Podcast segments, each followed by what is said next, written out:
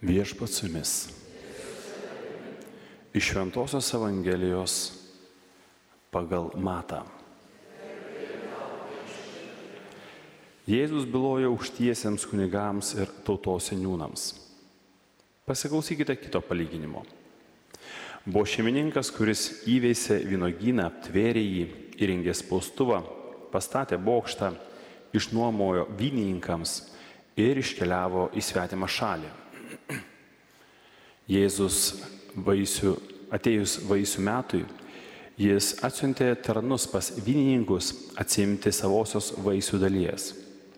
Bet vynininkai nutvėrė jo tarnus, vieną primušė, kitą nužudė, o trečią užmušė akmenimis. Jis vėl siuntė tarnų, daugiau negu pirmųjų. Bet vynininkai ir su šitais pasielgė kaip su anais. Galopis išsiuntė pas juos savo sūnų, manydamas, jie drovėsis mano sūnaus. Tačiau vynininkai išvykę sūnų ėmė kalbėtis. Tai įpėdinis. Eikime, užmuškime jį ir turėsime palikimą. Nutvėrė jie išmetė jį iš vynogyno ir užmušė. Tad kągi atvykęs vynogino šeimininkas padarys su tais vynininkais? Jie atsakė, Jis žiauriai nužudys piktadarius ir išnuomos vynogyną kitiems vynininkams, kurie atėjus metui atiduos vaisių. Tuomet Jėzus tarė, ar neskaitėte, kas parašyta raštuose? Akmuo, kuris atitoj atmetė, tapo kertiniu akmeniu. Tai viešpaties padaryta ir nuostabu mūsų akise. Todėl sakau jums, Dievo karalystė bus iš jūsų atimta ir atiduota tautai, kuri duos vaisių. Išgirdę palyginimus, vyresniai kunigai ir fariziejai suprato, kad Jėzus kalba apie juos. Jie stengiasi jį suimti, tačiau bijojo liaudės, nes jie laikė Jėzų pranašu. Tai viešpatė žodis. Ką kol klauso palyginimų, kurie tinka, kurie, nežinau, glosto širdį arba kurie drąsina, kurie godžia, viskas gerai, viskas tvarkoji. Klauso šio palyginimo ir reaguoja jį labai teisingai, kaip pasielgs šeimininkas, na, kai jie taip pasielgia ir su tarnais, o po to ir su sunumi. Ir patys atsako, ateis, nu, nužudys ir atiduos kitiems. Ir tik po to, kada Jėzus labai aiškiai sako, kad Dievo karalystė bus iš jūsų atimta ir atuota tautai, kuri duos vaisių. Nebe palyginimų, sako tiesiai šviesiai, savai aišku, kad vyresniai kunigai, fariziejai, nu ir manau visi, kurie tam priejaučiantis, tapo nepatenkinti. Ir ne tik tapo, vas, kaip sakom, nepatenkinti, bet bando a, suimti, nori nužudyti. Šiandien mes turime tarsi tokias dvi išdavystės istorijas. Vienoje, pirmoje istorijoje, kuri atrodo, na, yra skausmingesnė, nes ten kalbama apie šeimą.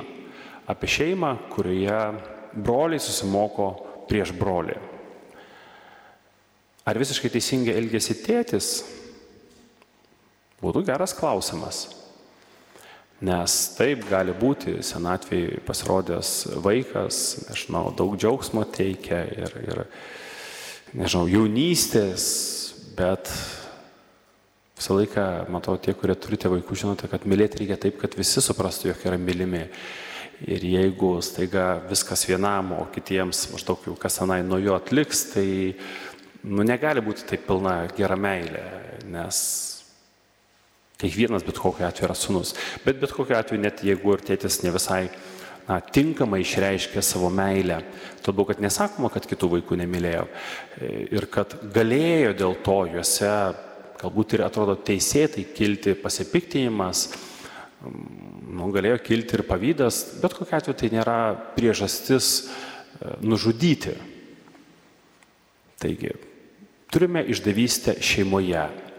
Ir tas yra labai skaudu ir, ir, ir, ir jinai, man atrodo, labiau kabina netgi negu šita istorija. Nes čia mes turime tiesiog samdinius ir šeimininką. Ir suprantame, kad, na, kai yra biznio santykiai, na, iš kogi atsirado sutartys, iš ko atsirado gausybė saugiklių sutartyse. Juk ne iš to, kad žmogus yra sažiningas, ne iš to, kad galima pasitikėti žodžiu, o dėl to, kad žmogus ieško, kaip išsukti savo naudos, žmogus ieško, kaip apgauti. Jeigu tiesiogai nepasakyta kažkaip, tai, nu, tai bandai kažkaip apeiti. Iš to yra posakis, yra įstatymas, yra apstatymas. Taigi tarsi, na, paaiškina labai žmogišką istoriją dėja. Ir, sakau, žydai, vat, fariziejai, aukštieji kunigai pasipiktina tik tada, kada Jėzus, atrodo, po visų palyginimų labai aiškiai pasako, brangieji, čia buvo sakyta jums, nes, na, vat jūs taip elgėtės ir Bet pranašus nužudėt, o po to nužudys dar ir sūnų. Nu, tai aišku, va, dar, kad save sūnumi vadina, bet tai, kad iš jūsų bus atimta karalystė, iš jūsų bus atimta sandora, atrodo beveik. Tai natūralu, kad piktina. Bet tiesą pasakius, šioje istorijoje žydus turėtų piktinti ne tik tai, tai, kad Jėzus pasako, jog iš jūsų bus atimta karalystė. Jeigu jisai šio pasakymu labai aiškiai parodo ir nurodo, kad tie samdiniai yra būtent jie,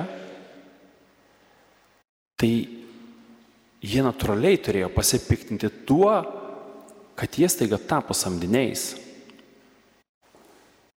Nes kai Dievas iš tiesų dar prieš ruoždamas sudaryti sandorą ir po sandoros sudarimo e, kalbėdavo apie savo tautą, nuskyrus tas vietas, kur sakė, kad na, šita, šita tauta, kita sprendė tauta, šiaip vadindavo savo pirmgimiu, atrodo, savo, savo sunumi vadindavo, savo vaiku. Ir staiga dėl jų elgesio jie elgesi taip, kad yra vadinami samdiniais. Samdiniais, kurie, na, su šeimininku tarsi yra sudarę sutartį kur mes tau šitai, o tu mums šitai. Ne, mes tau tiek tai maldų, mes tau tiek tai aukų, nežinau, mes tau tiek tai pasnikų ar dar kažko, o tu mums palaiminimą, pažadėtą žemę, e, turtus ir visa kita.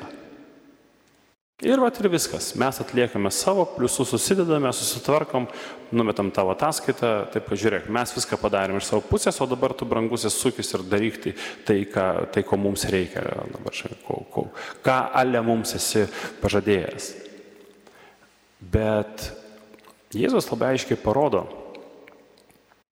per istoriją, kad jie netlieka to, kas buvo sutarta Jau net nekalbant apie santykį, kuris turėtų būti kitoks, nes istorija iš tiesų, jeigu žiūrint na, iš žydų tautos pusės, turėjo būti kitaip, kitokia. Jis turėtų būti labai panaši į na, sunaus palaidūno istoriją, kur sakom, būtų sakoma, kad, nežinau, kad tėvas užaugino vynogyną, ten sutvarkė jį ir pavedė vienam savo vaikui, reiškia, jį auginti. Nu ir ten jau tas, nežinau, sunus nusprendė, kad čia jau ir, nežinau, bilekai pradėjo su juo elgtis. Kažkas tokio turėjo būti. Bet, sako, net jūs eldamės atrodo kaip samdiniai, jūs net to neišpildote. Tasme, ta ataskaita, kuris man numetate, kaip sako, prasilginę savo maldos, e, prasiplatinę maldos diržus, ne, tos, parodydami visi, kaip čia jūs viską darote ir, ir, ir, ir viešai, ir akise, ir visur, kad būtumėte matomi. Tai nėra tai, ko aš iš jūsų prašiau.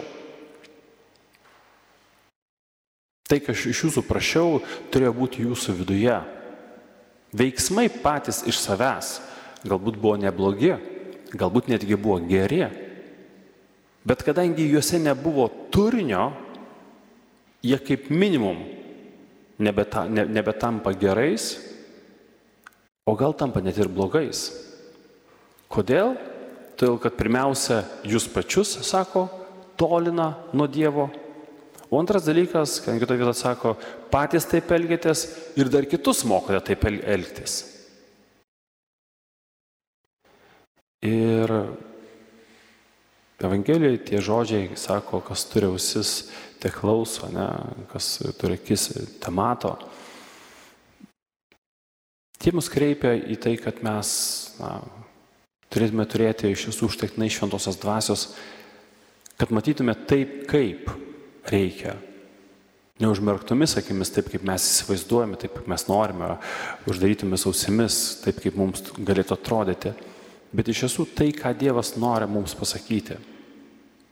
Net ir priekaištą, kuris nori kartą mums pasakyti, ne tik tai meilė žodžius.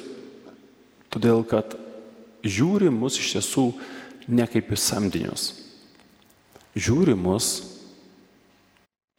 Galima sakyti, žinot, kaip Dievo vaikus. Bet tas, nu, toks kaip, ne, taip labai keistai nuskamba, nes kaip reiškia, nu, tu man esi, na, kaip ir draugas. Ne, tai, nežinau, kaip ir toks vaizdas, kad, nu, kaip ir ne. Taigi Dievas, mes esame Dievo vaikai ir, Dievas mato mumise savo vaikus. Todėl Jisai ir pagodžia, ir apkabina, ir subara, ir kitą kartą nubaudžia tam, kad atsiverstume, tam, kad pas jį sugrįžtume. Ir jeigu mes iš tiesų žiūrime į jį, ne kaip į šeimininką, kuris mus bando, nežinau, kažkaip šokdinti, bando mus priversti kažkaip elgtis arba bando iš mūsų apsitai neaišku, ko išsireikalauti, bet žiūrime ir matome jame tėvą, kuris iš meilės mums atlieka visus tuos veiksmus. Iš meilės mums prašo viso to, ko jis iš mūsų prašo. Ir tikėdami tą meilę, kurią Dievas mus myli, mes priemame visą tai, net ne visą laiką iki galo suprasdami, kodėl to reikia arba kam to reikia.